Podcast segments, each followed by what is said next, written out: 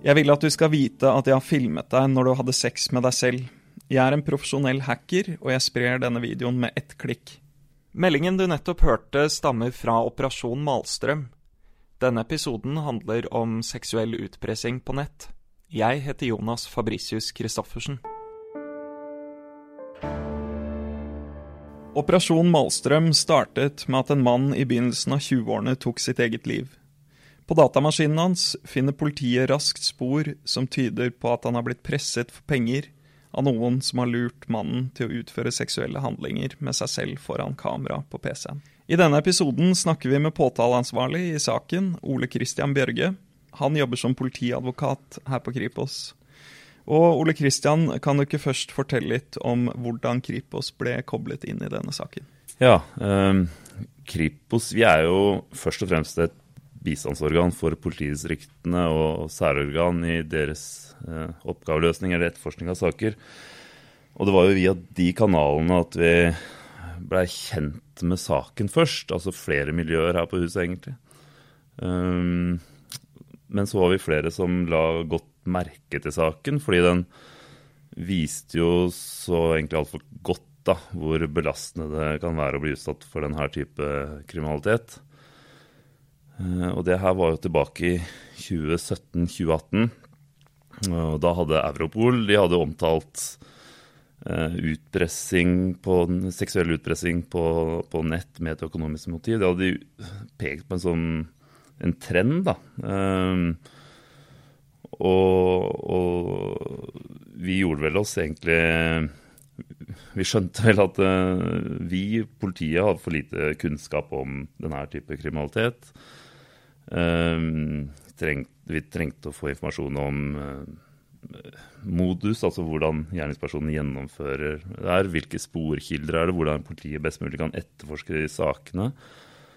Og så trengte vi òg den type informasjon for å drive en, eh, en forebygging av de, de sakstypene her. Så det var mange sånne vurderinger som gjorde at, uh, at sjef Kripos da beslutta at vi ønska å overta saken for å bruke en del ressurser på, på. Da. Så sånn starta det. Og det er jo noe av Kripos sin, uh, sitt virke nettopp å ta de spesielle sakene for å kunne dele kompetansen med hele politiet, og ikke bare at den dukker opp i det enkelte politidistrikt. Ja, det i tillegg til at det er jo en, det er en veldig alvorlig sak i seg selv. Det var som sagt en, en fornærmet her som tok sitt eget liv da, en, i denne utpressingssituasjonen. Så, så, både sakens alvorlighet, men også det du sier om eh, deling av kompetanse, var, var grunner. Mm. Eh, hvor raskt skjønte dere at det kunne være flere norske ofre? Det var jo noe vi, vi nesten antok eh, før vi begynte. Eh, at eh, dette er en type kriminalitet som eh, underrapporteres, eller hvor det er store mørketall. Eh, og relativt kjapt da, etter at vi starta å hente inn informasjon fra, eh, fra de her ulike tjenestetilbydere på, på internett, eh, og begynte å sammenstille informasjonen, så så vi jo at det var mange, mange flere fornærmede ofre tilknytta samme eller vår sak. Så, og det var vel i underkant av 100 ofre fra hele verden internasjonalt, og i underkant av ti eh, norske, da. Så um, Og da de var identifisert, så starta jobben med å, å, Eller våre avhørere reiste rundt, og foretok vi eh, Prata vi med de, da. Eh, avhørte de. Hvorfor er det så viktig å gå ut offentlig med denne informasjonen? Ja, Vi var jo ganske tidlig ute med å snakke om saken. Og det henger litt sammen med det jeg sa sånn innledningsvis om at uh, vi, vi, overtok jo saken, brukte mye ressurser på denne også fra et sånn forebyggende perspektiv. For det er jo klart at seksuell utpressing på internett det er en type kriminalitet hvor for, det å forebygge er Eh, svært viktig. Det er en type kriminalitet som eh, på en måte den kommer i kjølvannet av den teknologiske utviklingen. Eh, på en måte at disse gjerningspersonene de utnytter et stadig raskere internett verden over. Anonymiseringstjenester på nett, ulike eh, kommunikasjonstjenester som nærmest legger opp til at eh, folk kan kommunisere uten, eh, uten at de skal vite hvem, hvem den andre er. Eh, så det sammenholdt med at disse gjerningspersonene også utnytter eh, den ja, viktigheten av, uh, av uh, våre digitale liv. Da. Eller de som, de som, vokser opp i dag. Eller vi alle vi vokser ikke bare opp i en fysisk verden, men også en digital verden. Og med det så følger det jo egentlig ganske mange sårbarheter, da. som kanskje Jeg skal ikke mene så mye om det. Kanskje ikke har tenkt så nøye gjennom før man på en måte Eh, står i det. Um, og det er jo de sårbarhetene som de her gjerningspersonene utnytter på en mest kynisk uh, vis. Uh, og det her gjør at omfanget på kriminaliteten blir ganske Eller blir stort. det er utfordrende å etterforske det, fordi det er på tvers av landegrenser, og det er som sagt bruk av teknologi som gjør det vanskelig å spore. Så det samla sett gjør at uh, det viktigste politiet kan gjøre, er å bidra til å, forhindre at denne type kriminalitet i, det hele tatt skjer, får skje. Og altså at vi må jobbe forebyggende.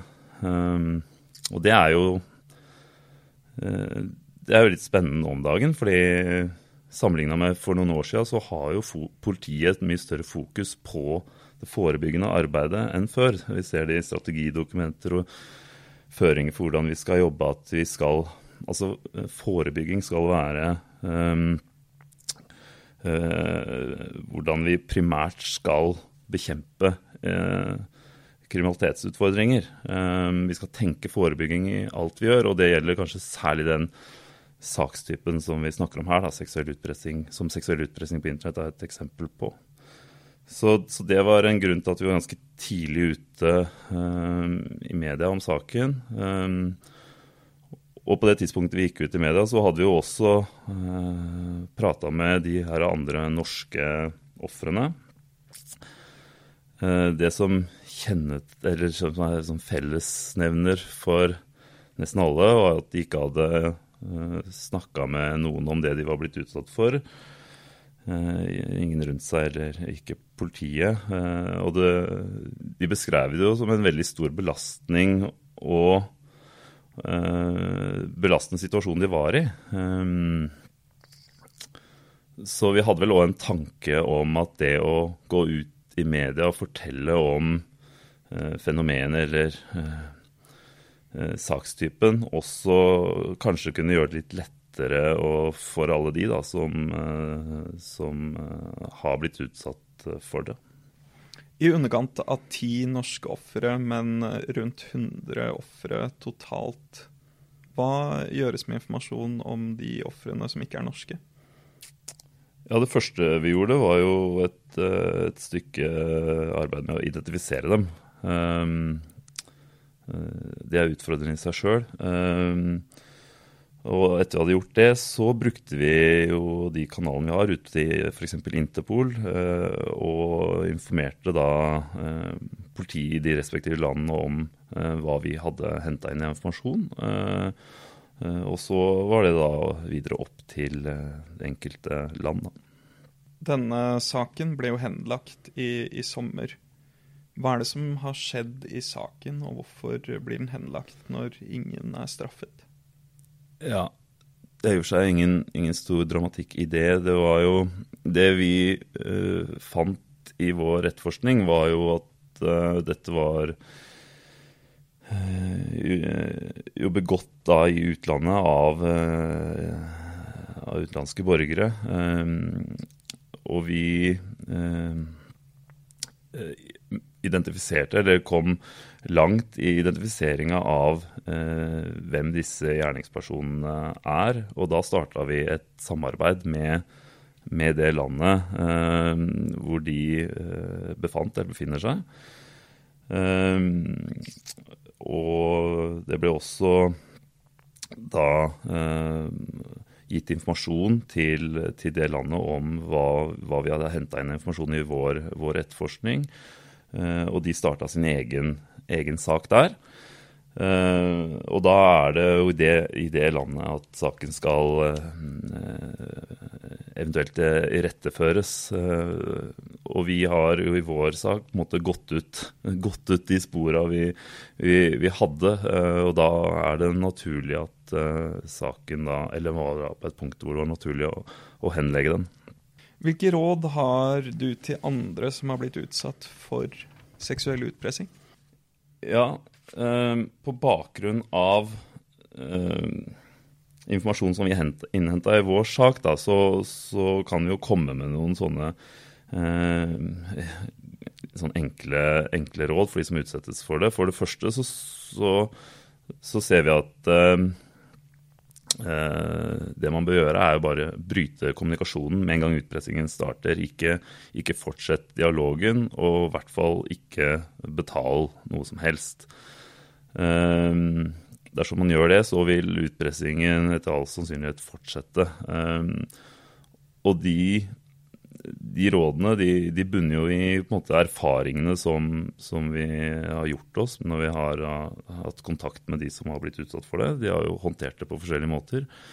Um, og det underbygges jo at dette er jo en type kriminalitet som har en uh, Det er økonomisk vinning som er motivasjonen bak. Uh, det, er ikke, det er ikke disse gjerningspersonene er ikke ute etter egentlig å påføre mest mulig krenkelse, for å si det sånn. Uh, og da er tid er penger, ikke sant. Uh, og da når, uh, når de ikke får napp, for å si det på den måten, eller altså dialogen brytes, så er det mest Det som er naturlig for dem, er da å gå videre til nestemann på, på lista. og hvis erfaringer fra, fra andre lands etterforskninger er jo at Eh, det er jo nærmest eh, Disse hjernepersonene sitter på det man kan betegne som call-sentre, ikke sant. Eh, hvor denne kriminaliteten utføres fra. Så, så det er hovedrådet vårt. å Bryte kontakten og ikke, ikke betale. Og så vil jeg også oppfordre de som blir utsatt for det, å merke seg eller ta vare på det man har av dokumentasjon rundt det som har skjedd. altså med tanke på brukernavn, hva er det man har fått av opplysninger eh, om den man kommuniserer med. Eh, at man merker seg hvilke, hvilke kommunikasjonstjenester er det dialogen har eh, starta på. Eh, for det er ofte sånn at dialogen starter på en kommunikasjons kommunikasjonstjeneste, f.eks. chatroulette, som vi så i, i vår sak, og så beveger seg over på andre kommunikasjonstjenester. Så er en rekke sånne opplysninger som det er viktig at, uh, at eh, politiet får da, når, man anmelder, anmelder, saken. Og eh, skal alle anmelde? Hjelper det? Ja, jeg syns absolutt man skal anmelde. Det er klart i en sånn akuttfase, altså med en gang det har skjedd, så ta kontakt med politiet, så kan man få råd om hvordan man skal håndtere saken der og da. Um, og så er det viktig at denne uh, informasjonen kommer til politiet, og at politiet uh, kan starte sine undersøkelser. Um, så det, det, vil jeg absolutt oppfordre til. Med jevne mellomrom så kommer det jo også e-poster som kan minne om dette. Altså det, det kommer en e-post e som sier at 'jeg har passordet ditt, og jeg har hacket maskinen din og filmet deg med webkameraet ditt mens du har gjort uh, noe med deg selv'. Hva er forskjellen på disse e-postene og episodene som vi har snakket om i dag? Altså Hovedforskjellen er vel at eh, de e-posten du beskriver, det er jo ofte det man kan kalle spam. Altså eh, Det medfører ikke riktighet, det som, det som, disse utpresserne hevder at de har. Eh, så, det, så, det, er vel hovedforskjellen. Men rådet er jo like fullt det samme fra, fra oss, altså om at man ikke skal opprette noe dialog med de man får e-posten fra, og i hvert fall ikke, ikke begynne å betale til eh, betale dem. Eh, så ja. Er det noe mer du tenker at det er lurt å, å få frem i denne podkasten? Jeg tenker vel at det viktigste er altså for det første at de som har vært utsatt for det, ikke, ikke, bærer på det aleine, men at de søker, altså snakker med noen rundt seg. Politiet søker hjelp fra, fra andre. For det andre så tenker jeg det er viktig at vi alle, altså vi som foreldre, uh, de som jobber med barn og ungdom, at vi alle jobber for et egentlig generelt sunnere nettvett Eh, eh, at vi følger med på eh, våre barns virtuelle liv like mye som vi følger med på hva de driver med i den fysiske verden, og at vi skaper kanskje en enda større bevissthet rundt det å dele personlig informasjon på, på internett. Da tror jeg vi har kommet et stykke. Og Hvis du vil vite mer om dette, kan du gå inn på politiet.no skråstrek delbart.